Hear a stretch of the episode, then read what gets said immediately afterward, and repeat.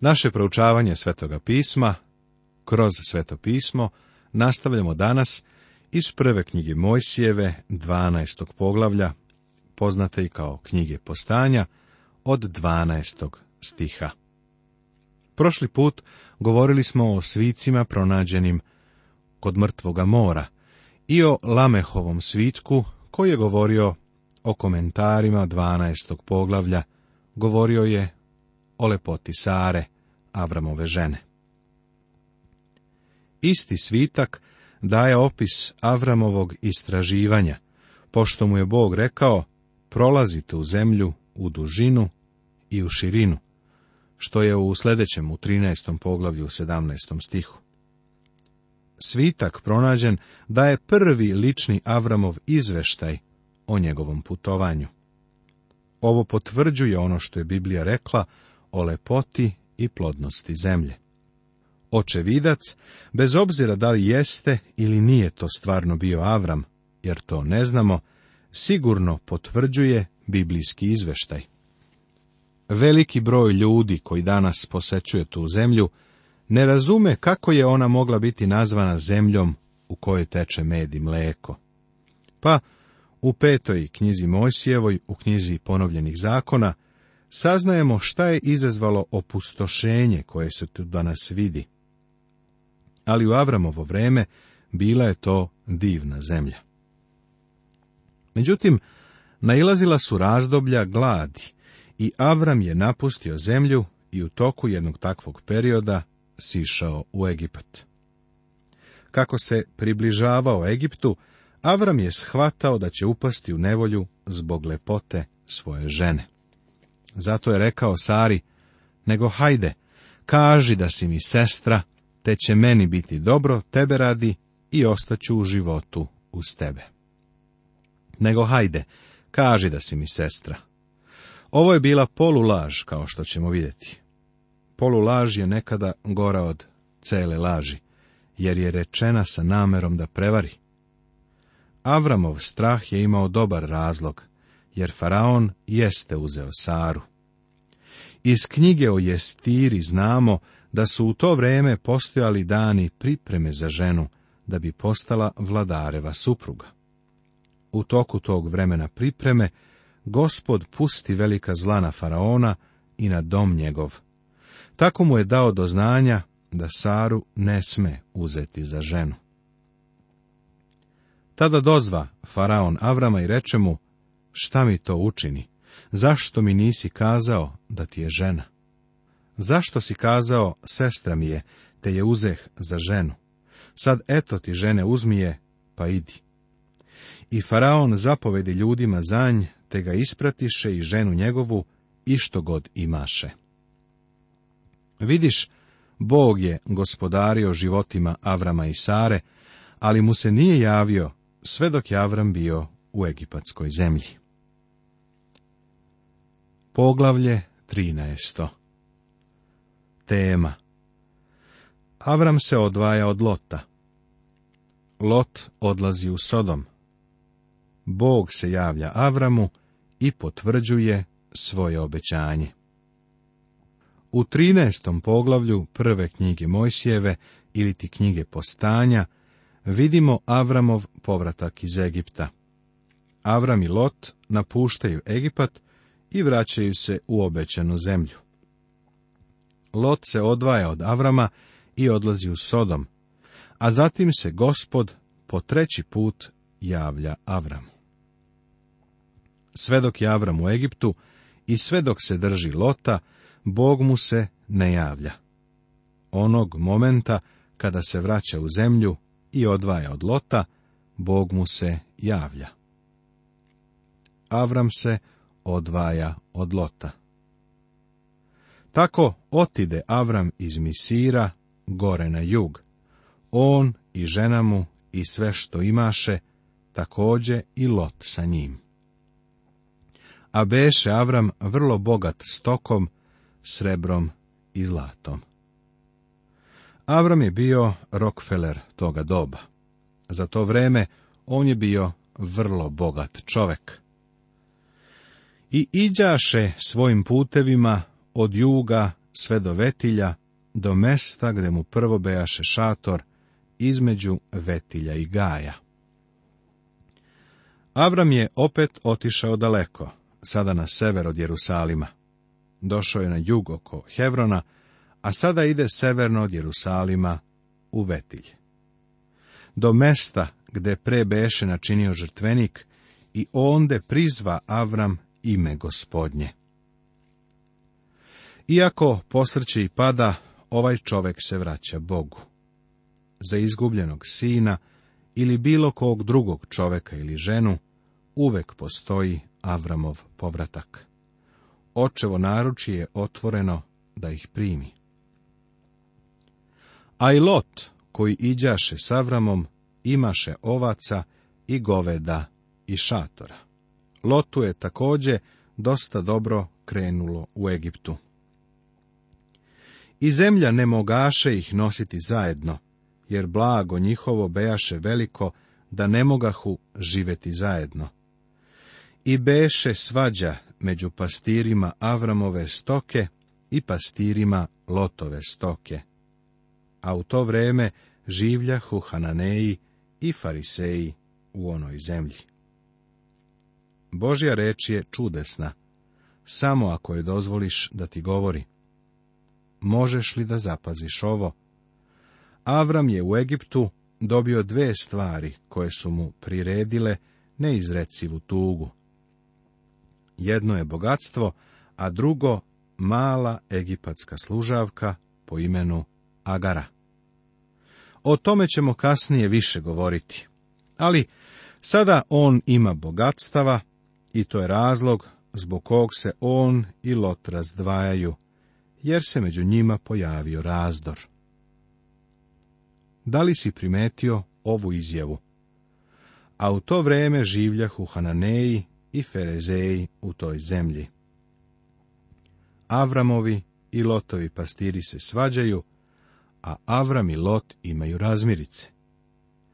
Vrlo je zanimljivo da su tada Hananeji verovatno šaputali Ferezejima, pogleda ih, ponovo se svađaju. Kada su došli u ovu zemlju i sagradili oltar živom i istinitom Bogu, kako smo samo gledali na Avrama. Kada je tek bio stigao, mislili smo da je tako divan čovek. Znali smo da je pošten, znali smo da je iskren, ali vidi ga sada, Pogledajte svađe i razmirice. Ne verujem da su u ovo vreme Farezeji i Hananeji bili baš impresionirani Avramom i Lotom. Dozvoli da ti kažem ovo, iako ti možda neće biti prijatno. Ne poznajem tvoj grad, ne znam gde živiš, ali ako je tvoj grad poput drugih gradova i poput grada iz kog sam ja, onda znam da se metodisti, i baptisti i prezbiterijanci i druge denominacije baš ne slažu i da se svađaju. I kada danas u crkvi postoje te unutrašnje borbe, onda čovek koji nije doživeo spasenje i koji je izvan svega toga, sazna za to. Ako mogu da kažem, takav čovek često kaže, ako je to hrišćanstvo, ne želim da budem deo njega. Mogu da se svađam i izvan njega. Ne treba da se priključim crkvi, da bih se onda raspravljao i svađao.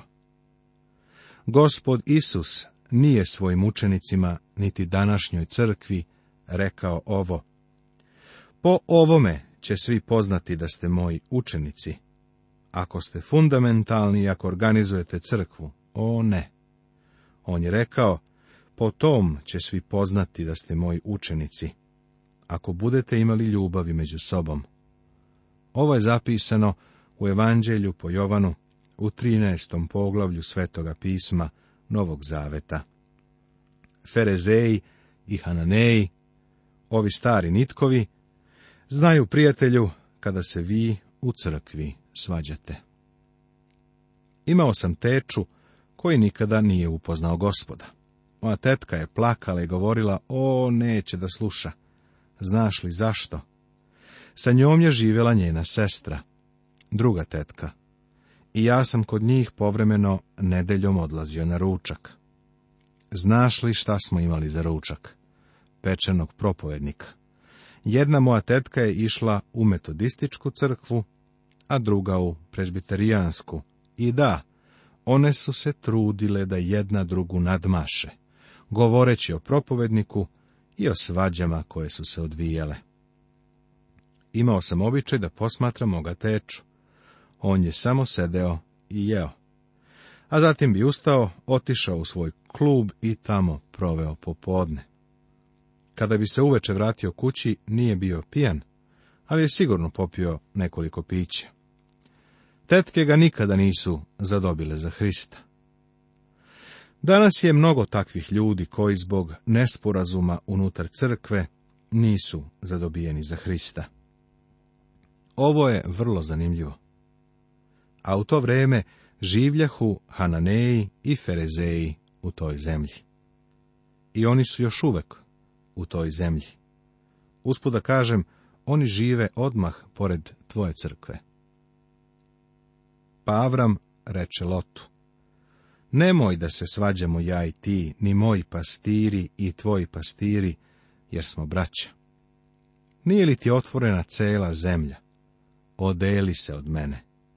Ako ćeš ti na levo, ja ću na desno. Ako ćeš ti na desno, ja ću na levo. Avram je napravio podelu. Samo je veliki čovek mogao ovo da kaže Lotu. Drugim rečima, Avram je rekao Lotu, da može izabrati ono što hoće, a da će Avram uzeti ono što preostane. Lot odlazi za Sodom. Tada Lot podiže oči svoje i sagleda svu ravnicu Jordansku, kako celu natapaše reka, beše kao vrt gospodnji, kao zemlja misirska, sve do Zagora, pre nego gospod zatre Sodom i Gomor. U to vreme to je bilo divno mesto. I Lot izabra sebi svu ravnicu Jordansku i otide Lot na istok i razdeliše se jedan od drugoga. Avram življaše u zemlji Hananskoj, a Lot življaše po gradovima u onoj ravnici, premeštajući svoje šatore do Sodoma. Ovo je zanimljivo. Verovatno u toku celog tog vremena koje je Lot proveo sa Avramom u zemlji, on bi noću podizao zastor svoga šatora, pogledao napolje i rekao gospođi Lot, zar ovo mesto dole nije divno? Ujutro bi ustao i kazao, baš ovo dole izgleda privlačno. Trava na pašnjacima je uvek zelenija. Kada je došao dan, da Lot donese odluku i ode, znaš u kom pravcu je otišao. Nijedan čovjek ne pada odjednom, neočekivano. Uvijek je zato potrebno izvesno vreme. Podigneš zastor svoga šatora, postaviš šator prema Sodomu i to je početak. Lot je podigao svoje oči, video je ravnicu i uputio se tamo. Ovo je najveća greška koju je ikada u svom životu napravio. Jer Lot nije znao ovo. A ljudi u Sodomu behu ne valjali i grešahu gospodu veoma. Kasnije ćemo vidjeti šta se dole u Sodomu desilo Lotu i njegovoj gospođi, kao i njihovoj porodici. Bog se javlja Avramu i potvrđuje svoje obećanje. A gospod reče Avramu, pošto se Lot odeli od njega, podigni sada oči svoje, pa pogledaj s mesta gde si na sever i na jug i na istok i na zapad. A gospod reče Avramu, pošto se Lot odeli od njega. Treći put se Bog javio ovom čoveku. Podigni sada oči svoje, pa pogledaj s mesta gde si na sever i na jug i na istok i na zapad. Bila je to zemlja koju će mu Bog dati. Kako je Bog nastavio da se javlja Abramu, a kasnije i drugim praocima, oko zemlje je postavio obeležja. Drugim rečima, postavio je granicu i rekao im je tačno koja zemlja je u pitanju. Bio je vrlo određen. Ako bih smeo ovde samo da ubacim jednu misao. Zbog ovoga bi trebalo da se oslobodimo pesme Divno ostrvo negde. Ako je ikada postojala pesma koju ne bi trebalo pevati na sahranama, to je ova. Možeš li zamisliti Avrama koji gleda na sever, jug, istok i zapad i peva divno ostrvo negde, a stoji usred njega? nebo je stvarno mesto. Istinsko kao što je obećana zemlja stvarno mesto, a nije neko divno ostrvo koje se negde nalazi. Nebo je vrlo određeno mesto o kome Božja reč vrlo određeno govori. U otkrivenju Bog o njemu vrlo jasno govori. On oko njega postavlja granicu, pa o tome nešto možemo i znati. Bog se ne bavi teoretskim stvarima, nego onim što je stvarno i istinito. Jer svu zemlju što vidiš tebi ću dati i semenu tvojemu do veka. I učinit ću da semena tvojega bude kao praha na zemlji. Ako ko uzmože izbrojiti prah na zemlji, moći će izbrojiti i seme tvoje. Zapazi šta Bog čini za ovoga čoveka. On obeležava zemlju i kaže Avramu da se nalazi u njoj. On mu zatim ponovo potvrđuje činjenicu da će Avram imati izvanredno potomstvo, koje je i imao. Ustani i prolazi tu zemlju u dužinu i u širinu, jer ću je tebi dati. Veoma je zanimljivo da jedan od svitaka mrtvoga mora opisuje baš ovaj deo iz prve knjige Mojsijeve i daje izveštaj o zemlji iz prve ruke od Avrama. U to vreme to je bila divna zemlja. I Avram diže šatore i dođe i naseli se u ravnici Mamrijskoj, koja je kod Hevrona, i onde načini žrtvenik gospodu. Avram je bio čovek koji je gradio oltare. Uvek možeš reći gde je Avram bio, jer je ostavljao svedočanstvo. Čovek je otisak stopala ostavio na mesecu. Zatim su gore postavili zastavu i mali moto, koji kaže došli smo u miru, ali nisu ostavili Bibliju, Božju reč. Ovo otkriva razliku koja postoji između Avramovog razmišljanja i razmišljanja ovog doba, u kojem sada živimo. Za Avrama je bilo važno da sagradi oltar gospodu i baš to je i učinio. Jedno od značenja reči Mamrija je bogatstvo, a Hevrona zajednica. Ovo je bilo divno mesto za stanovanje. U naše vreme možemo biti veoma sigurni da je moguće locirati drvo gdje je Avram bio kao i izvor koji se tu nalazio. Ja sam bio tamo. Između Mamrije i Hevrona veoma je zanimljiv prostor i baš tu je živeo Avram. To je bilo dobro mesto za život, mesto bogatstva i zajednice sa Bogom. Izgleda da je ovo bio Avramov dom, a tu je i mesto gde je Avram sahranjen. Poglavlje 14. Tema Kraljevi sa istoka porobljavaju Sodom i Gomoru. Avram oslobađa Lota. Avram odbija plen. U 14. poglavlju prve knjige Mojsijeve, knjige postanja, svetoga pisma Starog Zaveta, nalazimo prvi zabeleženi rat. Rat u kojem Avram oslobađa Lota. U ovom poglavlju se pojavljuje i prvosveštenik. Tom prilikom je Melhisedek blagoslovio Avrama. Ove dve velike istine nalaze se zapisane ovde. U određenom smislu ovo je najizuzetnije poglavlje. Ne deluje kao poglavlje koje se uklapa u celinu priče. Izgleda kao da ga je moguće izostaviti, kao da kontinuitet postoji i bez njega. Ali ovo je jedno od najvažnijih poglavlja u prvoj knjizi Mojsijevoj. Nastavit će se.